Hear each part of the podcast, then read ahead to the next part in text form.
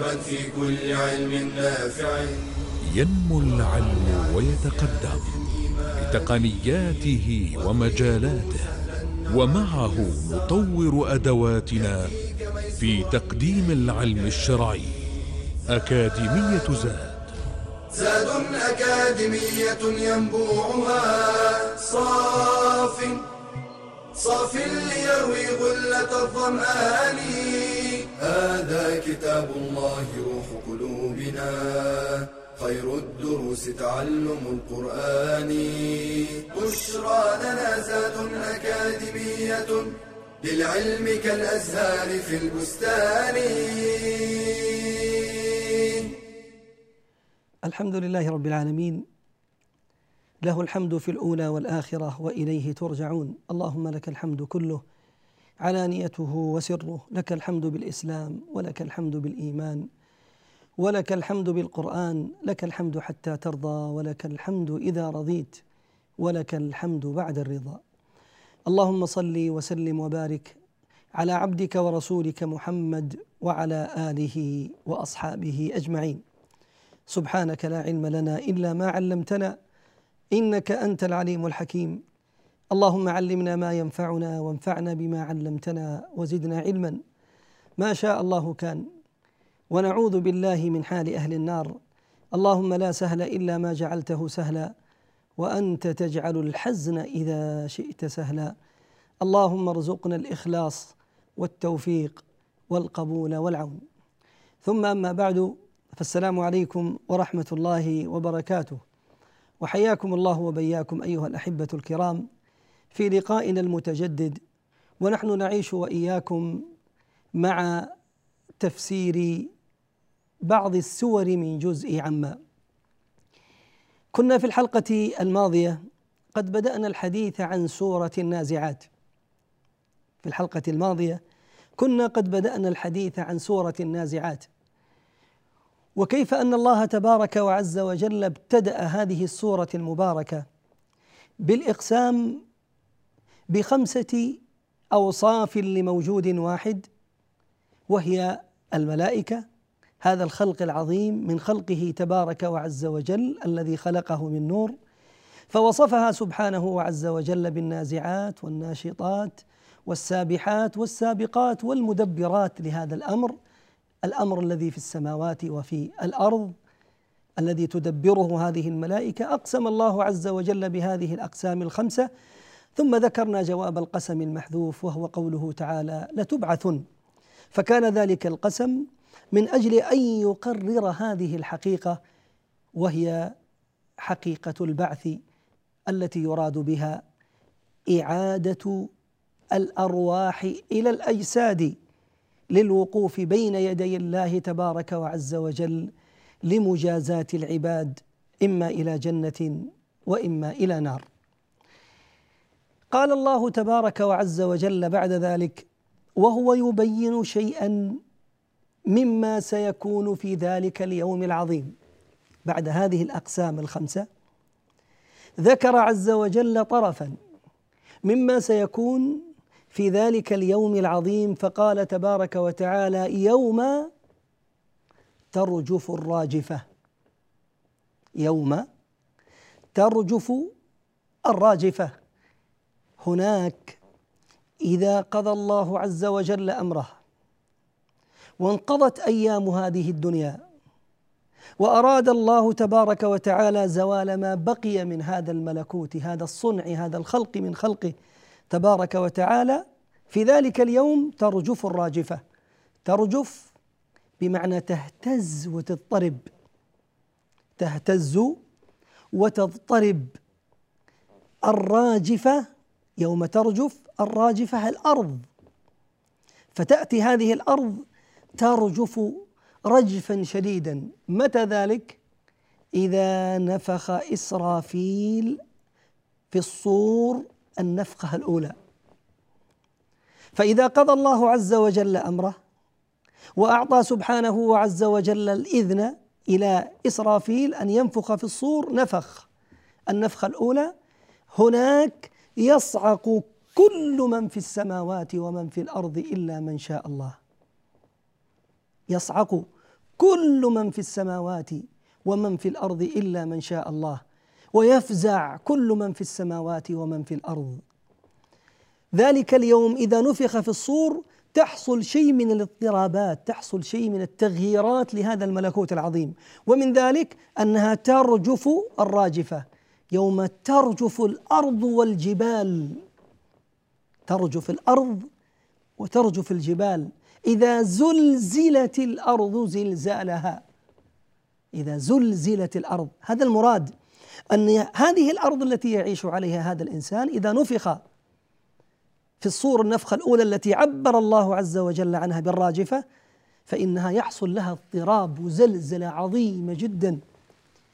زلزلة عظيمة جدا ليست كهذه الزلزلة التي نراها الآن. الآن لو حصلت الله يجيرنا وإياكم هزة أرضية يعني بمقدار ستة أو سبعة على مقياس ريختر كما يقال هذا المقياس العالمي للزلازل لحصل من الدمار من الدمار في في في في المدن. ما الله به عليم ولا وقعت من الكوارث ما الله به عليم ما لا يستطيع أحيانا أن يحصيه بشر.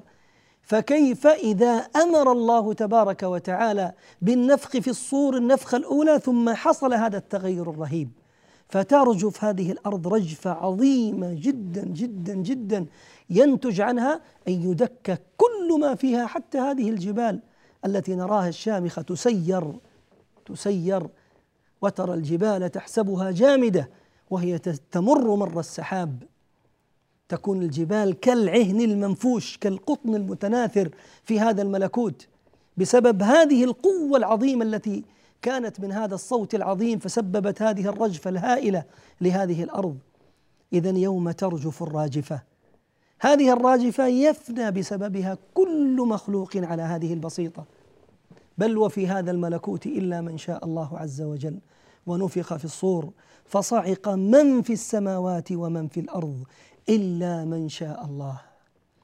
ثم قال تعالى تتبعها الرادفة. تتبعها أي يتبع هذه النفخة الأولى وما سيكون عنها من الزلزلة العظيمة التي ينتج عنها الفناء التام لكل مخلوق إلا من شاء الله. يتبعها يتبعها بأربعين بأربعين أربعين سنة الله أعلم. يتبعها بأربعين النفخة الثانية التي تردفها أي تأتي بعدها. فالرادفة المراد بها التي جاءت بعدها التي جاءت بعدها. وهي النفخة الثانية كما ذكر أهل العلم وهي النفخة التي تكون سببا سببا لإعادة الأرواح إلى أجساد بني آدم ليقوم الجميع للوقوف بين يدي الله تبارك وعز وجل. نعم. يوم ترجف الراجفة تتبعها الرادفة. فإذا أعيدت أرواح العباد إلى أجسامهم لا شك أن هؤلاء العباد في ذلك اليوم العظيم ينقسمون إلى فريقين. فريق هم أهل الإيمان جعلنا الله وإياكم من أهل الإيمان وختم الله لنا ولكم هذه الحياة بالخاتمة الحسنى. فإنهم يقفون بعد أن تعود أجسادهم إليهم يقفون بين يدي الله. وكذلك الحال بالنسبة للكفار. الفريق الثاني إذا رجعت أرواحهم إلى أجسادهم بعد النفخ في الصور النفخة الثانية فإن الجميع سيقف بين يدي الله عز وجل. قال الله عز وجل عن هذا الفريق الثاني وهو فريق أهل الكفر قال عز وجل يوم ترجف الراجفة تتبعها الرادفة قلوب يومئذ واجفة. وللحديث معها إن شاء الله يعني وقفة بعد الفاصل بمشيئة الله تبارك وتعالى. بشرى لنا زاد أكاديمية للعلم كالأزهار في البستان.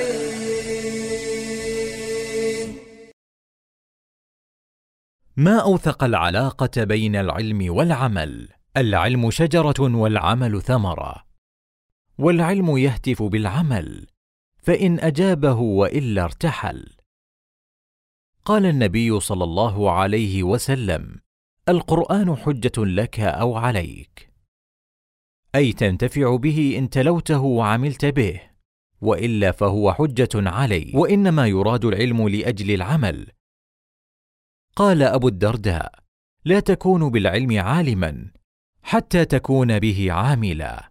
وقد ذم الله تعالى من لا يعملون بالعلم فقال أتأمرون الناس بالبر وتنسون أنفسكم وأنتم تتلون الكتاب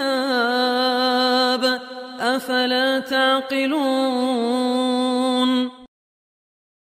وقال صلى الله عليه وسلم مثل العالم الذي يعلم الناس الخير وينسى نفسه كمثل السراج يضيء للناس ويحرق نفسه والعلم النافع يورث خشية الله. قال تعالى إنما يخشى الله من عباده العلماء. قال ابن مسعود ليس العلم بكثرة الرواية ولكن العلم الخشية والخشية تنير العقل. قال تعالى واتقوا الله ويعلمكم الله. أي أن تقوى الله وسيلة إلى حصول العلم. فمن صدق العلم بالعمل كان قدوة للمتعلمين. ومن خالف فعله قوله كان من الممقوتين. يا أيها الذين آمنوا لم تقولون ما لا تفعلون؟ كبر مقتا عند الله أن تقولوا ما لا تفعلون. بشرى لنا زاد أكاديمية للعلم كالأزهار في البستان. حياكم الله أيها الأحبة أهلا وسهلا ومرحبا بكم. عدنا إليكم بعد الفاصل وقد بدأنا الحديث قبل الفاصل عن تلك الآيات التي تتحدث في هذه السورة المباركة أعني سورة النازعات عن ذلك اليوم العظيم الذي سيقف الجميع فيه بين يدي الله إذ قال تعالى يوم ترجف الراجفة النفخة الأولى التي ينتج عنها تلك الزلزلة العظيمة والثناء التام تتبعها الرادفة. قال عز وجل قلوب يومئذ واجفة. واجفة بمعنى خائفة. حصل لها شيء من الوجف. الخوف الشديد وينتج عنه زيادة ضربات القلب. ولهذا ترى الإنسان الآن إذا تعرض لموقف فيه خوف كلما زاد هذا الأمر المخوف كلما ازداد وجل قلبه وازدادت ضربات قلبه وتغير الداخل في جسمه فإن هذه النبضات تعني تعني زيادة ضخ الدم مما يعني زيادة تغير ضغط الدم مما يعني تغير حتى ملامح وجه الإنسان. فالقلب هو المحل الذي سيكون مسؤولا عن كل الاضطرابات الأخرى التي تكون في البدن. ولهذا يركز الله عز وجل عليه هنا ويذكره سبحانه وتعالى فيقول قلوب قلوب يومئذ واجفة خائفة خوف شديد ينتج عنه هذا الاضطراب والزيادة لنبضات القلب. أبصارها خاشعة. لأنهم إذا خرجوا عاينوا تلك الحقيقة التي كانوا ينكرونها. هذه الحقيقة التي كانوا ينكرونها وهي إعادة الأرواح إلى الأجساد والوقوف بين يدي الله عز وجل. يعاينون ذلك البعث الذي كانوا في يوم من الأيام ينكرونه ولا يؤمنون به. بل ويستهزئون بكل متكلم يتكلم به. فهم الآن عاينوا ما كانوا قد أنكروا قبل الآن. فأصبحت قلوبهم خائفة وأصبحت أبصارهم خاشعة بمعنى ذليلة خاضعة كأنهم كما قال تعالى ينظرون من طرف خفي من شدة الذل الذي أصابه في تلك الحال. أصبح ينظر ولكن مع ذل وخضوع. وخنوع وهو أيضا ينظر كأنه ينظر من طرف خفي. ما الذي سيحصل؟ ما الذي سيكون؟ الحقيقة التي كان ينكرها أصبحت امرا عيانا. لا يمكن أن يكذب ولا أن ينكر. ما كان في يوم من الأيام يستهزئ به. ها هو الآن يعاينه بأم عينيه. قلوب يومئذ نعوذ بالله أبصارها كما قال تعالى خاشعة أبصارها خاشعة يقولون وهم يعاينون ذلك المنظر. وهذا الذي جعلني أقول أن هذه الأوصاف لهذا الفريق الثاني وهو فريق أهل الكفر أنهم يقولون ماذا يقولون؟ اسمع لقولهم. الذي ذكره الله عز وجل عنهم يقولون أئنا لمردودون في الحافرة. هنا يحكي الحق عز وجل. ما كان يقول هذا الفريق السيء الكافر الذي عياذا بالله وصل به الحال أنه أصبحت قلوبهم خائفة وأبصارهم خاشعة. هؤلاء كانوا يقولون في يوم من الأيام أئنا لمردودون في الحافرة؟ الحافرة يعني إلى الحياة مرة أخرى.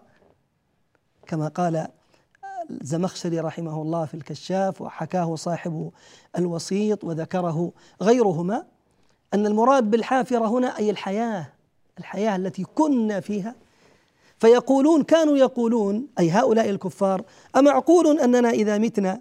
سنعود مرة أخرى إلى الحياة التي كنا فيها وهي المراد بالحافرة. يقال عاد الرجل على حافرته أو إلى الحافرة أي إلى الأمر الذي كان فيه. وسميت بالحافرة لأن الإنسان إذا سار في طريق إلى منتهى ثم عاد إليه فإنه يحفر ذلك الطريق بأقدامه. فسميت بالحافرة. فيصبح أثره أكثر حفرا في الأرض مما كان سابقا. فهم يقولون يحكي الله عز وجل قولهم في الحياة الدنيا يقولون أئنا لمردودون في الحافرة؟ أإذا كنا عظاما نخرة؟ شوف هذا الأسلوب نعوذ بالله هو أسلوب في شيء من الاستفهام ولكن المقصود به التهكم والاستهزاء. أإذا كنا عظاما نخرة؟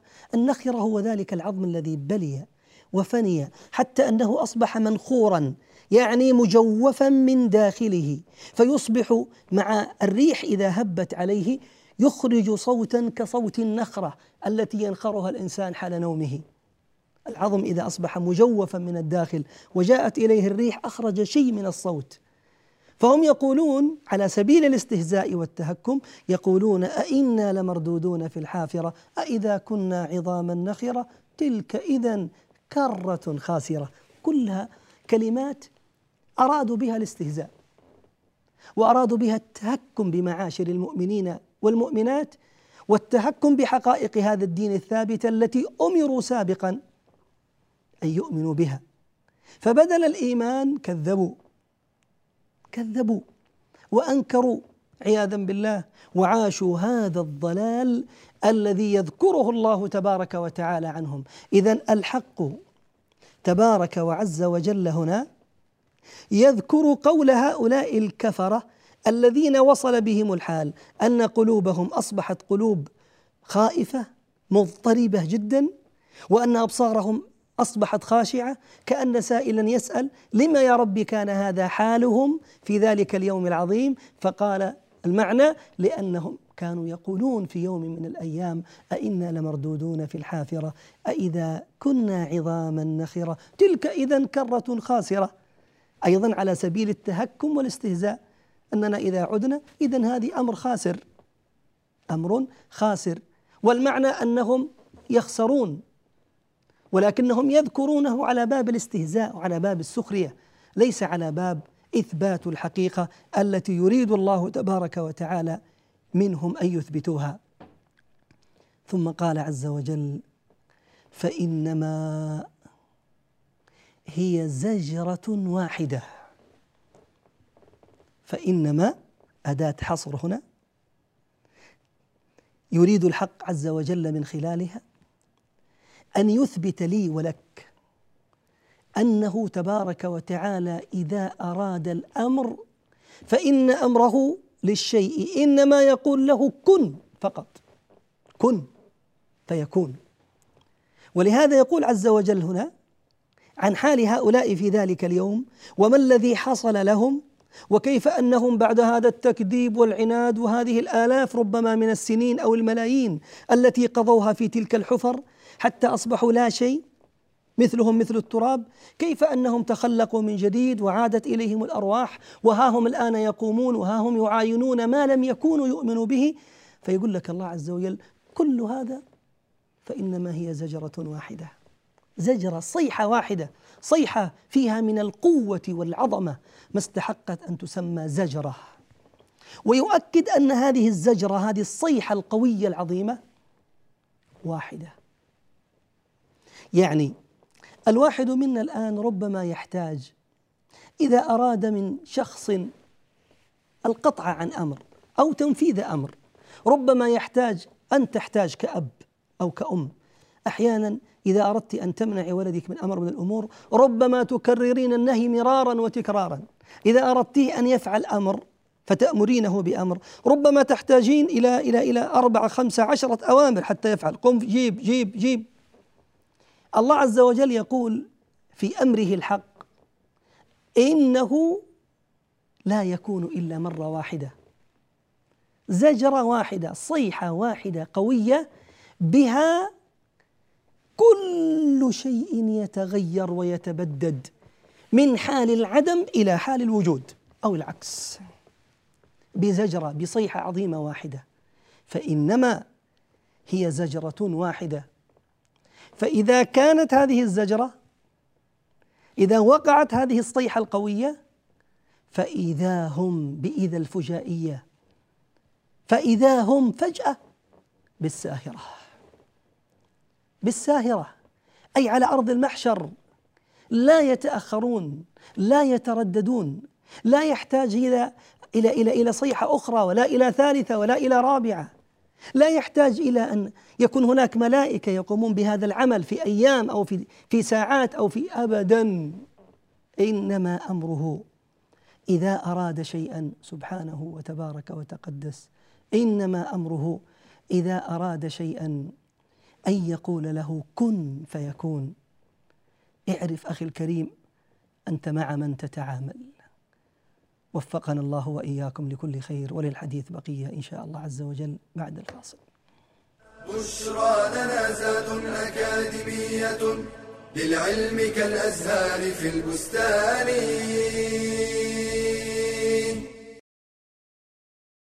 هل كرم المرأة أحد مثل ما كرمها الإسلام؟ فالنساء شقائق الرجال وإنما خصت المرأة ببعض الأحكام كإعفائها من الجمع والجماعات مراعاة لأنوثتها لا تحقيرا لها. فللمرأة حقها في التعليم وقد خصص النبي صلى الله عليه وسلم درسا لتعليم النساء ولا يمنعها الحياء من طلب العلم.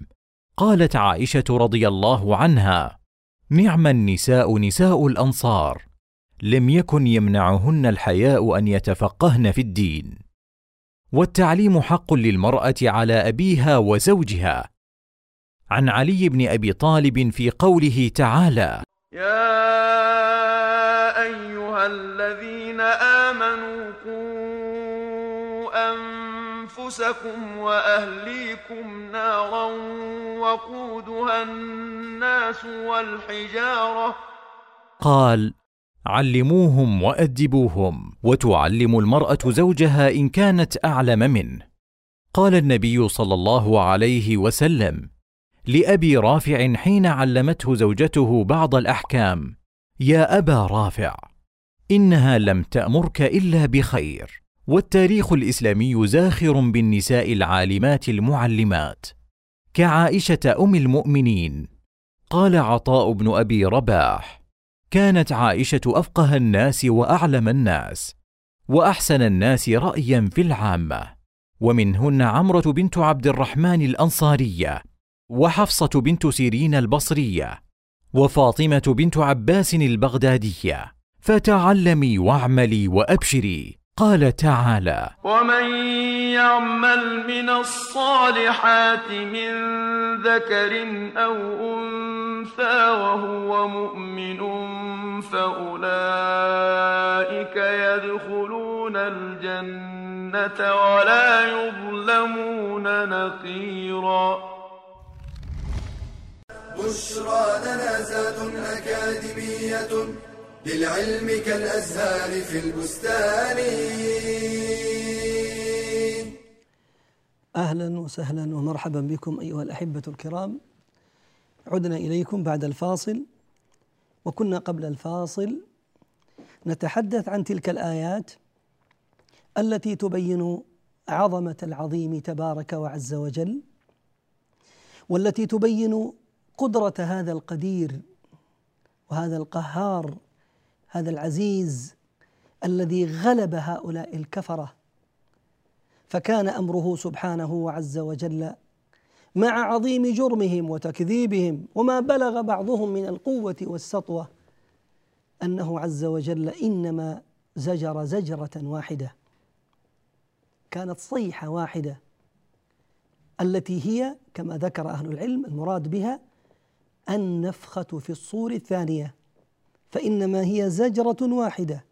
فإذا هم بالساهرة هذه الزجرة الواحدة هي الصيحة فقط التي هي الصيحة الثانية. ثم نفخ فيه أخرى فإذا هم قيام ينظرون.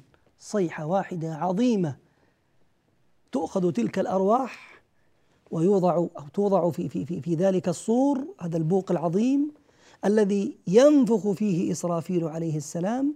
فتتطاير أرواح العباد فتصل روح كل شخص إلى جسد صاحبها. فيقومون بين يدي الله تبارك وتعالى. زجرة واحدة النفخة الثانية. فإذا هم بالساهرة هذه الساهرة المراد بها أرض المحشر. أرض المحشر. وهي أرض كما قال أهل العلم أرض مستوية. فلا ترى فيها عوجا ولا أمتا. ليس فيها شيء من الجماد المرتفع ولا من النبات. إنما هي أرض سواها الله تبارك وتعالى ومهدها عز وجل وهي أرض غير هذه الأرض التي عصي الله تبارك وعز وجل عليها. يوم تبدل الأرض غير الأرض والسماوات. وبرزوا لله الواحد القهار. أرض يجعلها الله تبارك وتعالى كما قلنا مستوية تماما. وسميت قال بعض أهل التفسير بالساهرة لأن الأرض الفلاه الأرض التي لا نبات فيها لا مرتفعات فيها منخفضات فيها.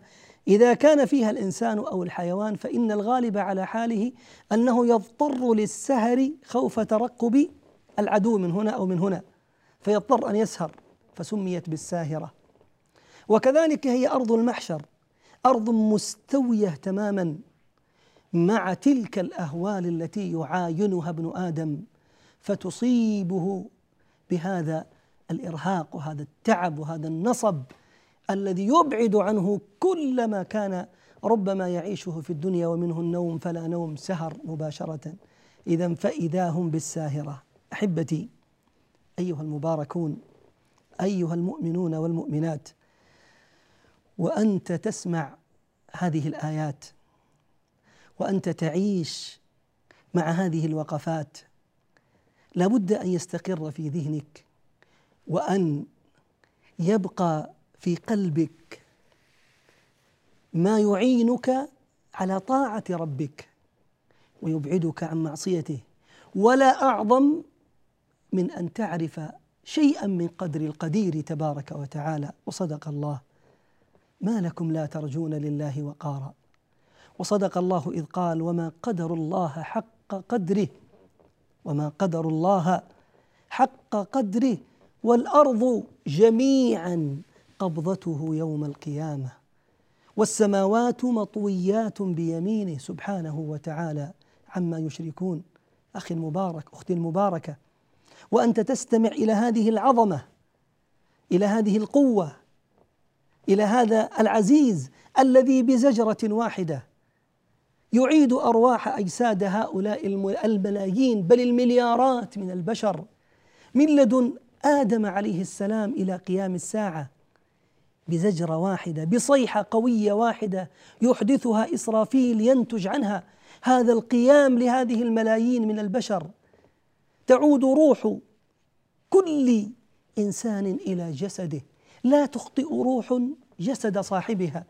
من هذا الحكيم من هذا القدير الذي أبدع هذا الإبداع وصنع هذا الصنع إنه الله.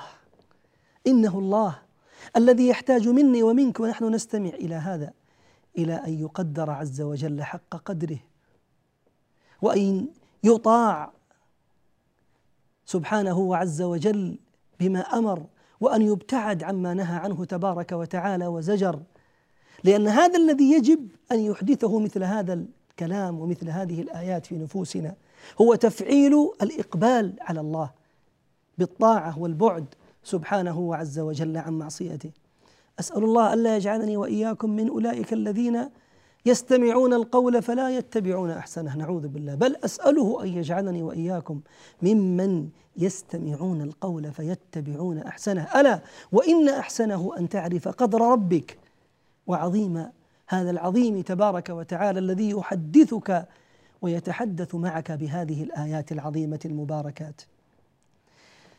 فلما انقضى الحديث عن هذه الآيات أخذت الآيات بمجامع قلوب النبي أو قلب النبي ومجامع قلوب المؤمنين إلى حدث آخر في لفتة عجيبة وسرعة رائعة وأسلوب فيه من التشويق الكثير الكثير وهو أسلوب الاستفهام. فقال عز وجل بعدها مباشرة هل أتاك حديث موسى؟ الله أكبر. الآن الآيات تتحدث عن يوم القيامة وقبلها عن تكذيب هؤلاء المكذبين وما سيفعله الله عز وجل بهم. ثم الآيات تنطلق فورا للحديث بأسلوب الاستفهام. للنبي صلى الله عليه وسلم بذكر خبر موسى. لما هذا؟ ما هي مناسبة هذا الأمر؟